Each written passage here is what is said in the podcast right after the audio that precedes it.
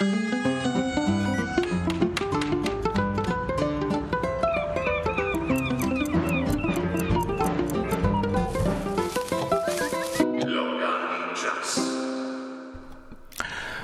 poletni vročini, kakršna nas je zajela v zadnjih dneh, so prve misli mnogih pri vodi, morju, jezerih, pa tudi v senci pod drevesi, pod vaškimi in mestnimi lipami, javori platanami in kostani. Ste se kdaj vprašali, kako neuzdržno in kako neprijetno bi bilo življenje v mestih in urbanih središčih brez dreves? Ne le poleti, ko lahko najdemo senco, temveč tudi po zimi, ko nas lahko ščiti pred snegom in sicer pred dežjem, jeseni, ko svojimi listi tako prijetno prebarvajo okolico v indijanske barve ali pa spomladi, ko lahko občudujemo njihovo cvetenje. Predvsem pa so njihovi družbeni in ekološki učinki nepogrešljivi. Peter Močnik, naš ljubljanski dopisnik, je za tokratni lokalni čas raziskal skrivnosti ljubljanskih dreves in zdaj je tu, da nam pove, izsledke svojih novinarskih raziskav. Peter, dobro jutro. Dobro jutro želim. Ja, o drevesih bojem, kot si omenil, tudi v luči tega, kako hvaležni smo lahko v teh dneh za vsako senco, ki nam jo drevesa v prestolnici, tudi seveda v drugih mestih eh, nudijo eh, v teh vročih dneh in ki, kot vemo, ohra, ohlajajo zrače. Ja, drži, ter hkrati proizvajajo kisik, dušijo hrup, ter so habitatni prostor za druge rastline in živali. Eh, Petar, morda za začetek eh, podatek, eh, koliko je v Ljubljani dreves in katere vrste so med njimi najpogostejše. No, o tem uh, sem se pogovarjal z Nejcem Praznikom, z arboristom, svetovalcem pri javnem podjetju Voka Snaga, kjer skrbijo in redno popisujejo drevesa, ki rastejo na javnih površinah in ki so hkrati jasno v lasti mestne občine Ljubljana. No, in teh je približno 39 tisoč. No, Pavšalna ocena o nekem skupnem številu dreves v Ljubljani, ko seveda govorimo o uličnih in parkovnih drevesih, pa je okrog 120 tisoč. Sem seveda naštejemo večjih parkov, kot so denimo Tivoli, uh, Šišenski hrib, Rožnik, Golovec in tako naprej. Ne? No, sicer pa uh, zgolj za zanimivost prevladujejo avtohtoni ostrolistni javor, tega je skoraj 20 odstotkov vseh, pa potem sledijo breze, lipe, platane, tudi divji kostani, uh, kakšnih resnih eksotov, kot pojasnjuje nec praznik, pa razen izjem v Ljubljani ni, ker je treba vendar saditi drevesa, kot pravi, ki so primerna za to podnebje in za mestno okolje. Vseeno pa zadnja leta intenzivno delamo na povečevanju biotske pestrosti, zato smo začeli vnašati tudi nove drevesne vrste. Primer takih vrst je naprimer srčostolistna jelša, ki ima naravni habitat v južni Italiji, um, ameriški jesen, In pa najnovejša pridobitev je zelkova, japonska zelkova. To um, boste pa najdli na otroškem igrišču na Zihrlovi ulici v Trnovu. Tako da, če koga zanima, se lahko oglasi na otroškem igrišču in poišče to zelkovo. In uh, tudi to je eden izmed načinov raziskovanja in spoznavanja mesta. Eh, Peter, vsi vemo, kako radi se, eh, ko imamo vsaj malo časa, omaknemo recimo na bližnji travnik, v gost, v senco bližnjega drevesa. Vprašanje, ki se postavlja samo po sebi, ko govorimo o drevesih v urbanem okolju, pa je, ali lahko k ceni nepremičnine prispeva tudi ustrezno urbano planiranje dreves in zelenja. No, doktorica Maja Simoniti, krajinska arhitektka in urbanistka z Inštituta za politike prostora, temu pritrjuje. No, in to slikovito pojasni na primeru hotelske sobe. Prisluhnimo. Absolutno. Zelo veliko ljudi poroča o tem, da so si izbrali določeno stanovanje prav zaradi pogleda na velika drevesa. Ne, tudi ta pogled, se pravi, eh, je pač dragocen predvsem v višjih nadstropjih, kjer je ta stik z naravo mogoče slabši, ampak pogled na drevo nam ga daje. Tako da to je absolutno res. Ne, ta stik, eh, kot se reče, soba z razgledom ne, v hotelu, kjer pač je pogled na jezero, na krajino, na park, vrednejši od sobe, ki nima tega razgleda. Enako velja tudi za drevo. Tudi drevo dvigne ceno nepremičnini. In zdaj končno vem, zakaj je cena kvadratnega metra stanovanja v Ljubljani tako visoka, Peter. Ja, zaradi toliko dreves, ne? Ja, tako. Ja, to bi bil sicer lahko lep razlog, ne, a vemo, da so razlogi globlji in širši.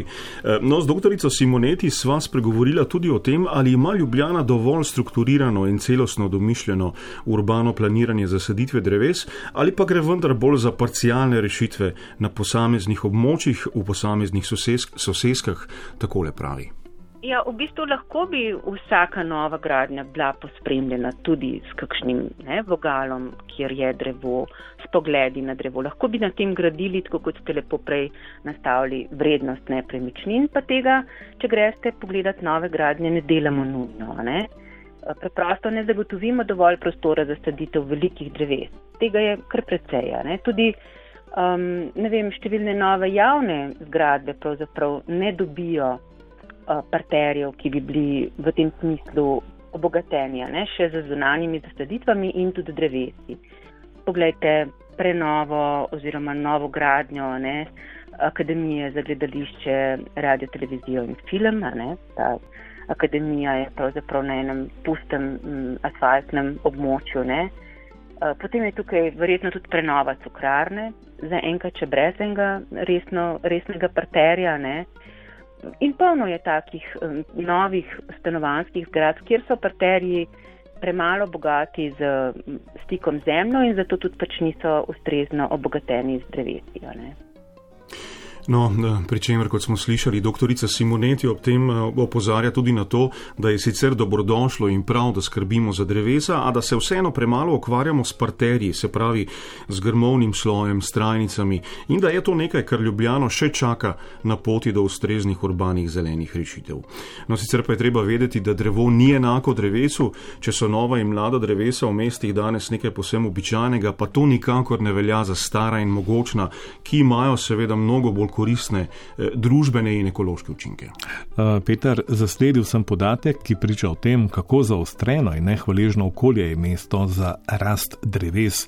Drevo, ki raste v mestu, dosega samo 20 odstotkov pričakovane življenjske dobe drevesa, ki denimo raste v naravi. In prav zato so stara drevesa verjetno tako dragocena in se jih, verjamem, skuša ohraniti, če le mogoče. Um, zakaj so drevesa danes v mestih, tudi v Ljubljani, še toliko bolj ogrožena, kot so bila v preteklem, oziroma zakaj imajo tako kratko življenjsko dobo? No, kot navada sogovornika, je talni prostor za saditev dreves danes bistveno manjši in oži, kot je, kot je bil pred 50, 70, kaj šele denimo stoletji. Ne? Manj je prostora za korenine zaradi cest, različnih komunalnih vodov, ki tečejo pod zemljo v višini korenin, kar močno zmanjšuje njihovo možnost, da bi se jasno potem lahko razvila v neka stara mogočna eh, drevesa, kljub skrbi in negi. No, če tudi se, po besedah neca praznika, vsaj pri nekaterih novogradnjah stvari spreminjajo spreminjajo. Ja, predvsem pri novogradnjah um, pod površino gradimo ogromne sadilne jame, lahko bi se rekel tudi sadilne bazene, ki so pri nekaterih drevesnih vrstah uh, velike tudi do 16 kubičnih metrov. Te jame potem napolnimo s kvalitetnim sadilnim substratom in tako omogočimo drevesom optimalne rastne pogoje. V stenah teh jam oziroma bazenov so tudi luknje, ki omogočajo razrast korenin tudi izven teh jam. Tako da um, zadnje čase imajo drevesa veliko boljše um, rasne pogoje že od začetka, kot so jih imeli v preteklosti. Kar je seveda res dobra novica in pa zanimiv oris tega, česar sprehajalci ne vidimo. Vidimo namreč le drevo, ki se dviga skoraj da iz asfalta, iz tlakovcev, kaj je pa spodaj, pač ne. Peter, koliko pa je bilo, če vzameva denimo lansko leto dreves v Ljubljani odstranjenih in koliko je bilo zasajenih novih. No, po mojih podatkih so lani odstranili 466 dreves vseh eh, velikosti, posadili pa 1550 novih. No, gre pa za številke, ki jih je treba eh, jasno gledati v luči povedanega. Ne? Se pravi, če pade neko staro mogočno drevo, ga je izredno težko nadomestiti z mladimi. Zato te številke res ne povedo veliko. No, kot pa pravi nec praznik, je najbolj pogost vzrok za odstranitev drevesa, njegovo odmrtje eh, zaradi starosti, bolezni ali pa stres, poškodbe, tudi vandalizem. Po mojem mnenju drevesa najbolj ogrožajo gljive razkrojevalke. Tako v bistvu lahko na vides povsem zdravo drevo v notranjosti že razkrojeno in to povzroča neko nevarno situacijo. Take situacije skušamo prepoznati z vizualnim pregledom in potem, ko pridemo do nekega suma na razkroj v notranjosti, izvedemo dodatne strokovne preglede, ki včasih pokažejo, da je drevo potrebno odstraniti. In takrat pride do nekega um, nezadovoljstva med meščani, ker odstranjujemo na videz zdravo drevo, v resnici pa je nek pregled pokazal, da je drevo preveč nevarno, da bi lahko v okolju obstalo. Za poseg na drevesih, ki so zaščitena, kolikor mi je znano, potrebujejo v vsakem primeru soglasje Zavoda za varstvo kulturne dediščine in Zavoda za varstvo naravne dediščine, koliko enot eh, pa je zaščitenih v ljubljanskem okolišu. No, Zavod za varstvo naravne dediščine Slovenije na območju Ljubljane varuje 116 drevesnih in naravnih enot in tudi seveda posebnost Ljubljane. Ne, namreč ogromno zavarovano območje, krajinski park Tivoli, Rožnik in pa Šišenski hrib, ki sega praktično od mestnega središča pa do obrobna, obrobja mesta. No in to je, kot pravi doktorica Simoneti, res velika dragocenost in nekaj, česar mnoge večje tuje prestolnice nimajo. To je sigurno izjemna dragocenost izjemna dragocenost in velika pomoč. V tem smislu, da blaži učinke negativne klime in ali pa tega, kar imajo v velikih mestih, kjer je zelo zgoščeno urbano tkivo. Ne spreminja pa to dejstvo, da tam, kjer pač uh, je ta stik popusti, ne tam, kjer smo v grajenem okolju, so pa negativni učinki posem enaki kot v zelo velikih mestih. Ta blažilni učinek ne sega čez celo mesto dosega zelo veliko število ne, objektov na robovih, ne, na stikih, tam so ti blagodejni učinki zelo dragoceni in dobri, medtem ko potem za celotno mesto pa to seveda ima omejen učinek. Ne. No, medtem ko že skoraj 400 let, če ne celo več, pa na mesto in meščane pozitivno učinkuje najstarejše drevo v Ljubljani, pa morda vprašanje zate bojan tudi za poslušalce in poslušalke, tako da morda malce pomislijo, uh, katero bi bilo to najstarejše drevo v Ljubljani, morda kakšna ideja, morda ve, za katero drevo bi šlo. Mm, ne vem tukaj me presenečaš s tem vprašanjem, ampak takole, glede na to, da na slovenskem tudi sicer lipe kotirajo najvišje eh, na lestvici najstarejših dreves, recimo tudi znamenita najevska lipa mm. na Koroškem, bi pomislil, da je tudi v ljubljanskem primeru morda v igri za naslov najstarejšega drevesa kakšna lipa. Ja, kar res, kar res. In sicer Bošnikova lipa, mislim, da jo vsi dobro poznamo, tista, ki jasno stoji, stoji na Bošnikovem Ljubljanskem trgu. Eh, ja, in prvi zapis o tej, o, o tej lipi sega v leto 1624, najbrž pa je še starejša. V tem trenutku naj povem, no, da smo v lanskem letu kar nekaj denarja in časa vložili v izboljšanje rastnih razmer za to najstarejše drevo, povečalo se je rastni prostor, um, propeljali nove rodovitne substrate, najšipkejše dele krošne se je pa podprl, tako da v bistvu mali pa zdaj dobre nastavke, oziroma svetlejšo prihodnost, da bo še za naslednje generacije tam na voljo. No, točne starosti te lepe ne morejo ugotoviti ravno zato, ker je njeno deblo znotraj povsem razkrojeno in zato je število letnic neznanka in jih ni mogoče razbrati. No, ne glede na to, pa se, kot smo slišali, očitno temu drevesu, najstarejšemu drevesu v Ljubljani, obeta še kar nekaj let, desetletij, upajmo seveda, da tudi stoletij srečnega življenja. Ja z drevesi, oziroma v njihovem primeru z ljudmi, ki napolnjujemo in živimo okoli njih v mestu. Peter Močnik, hvala lepa Prosim. za to zanimivo uh, pripoved o drevesih v mestih, uh, konkretno o drevesih v mestu Ljubljana.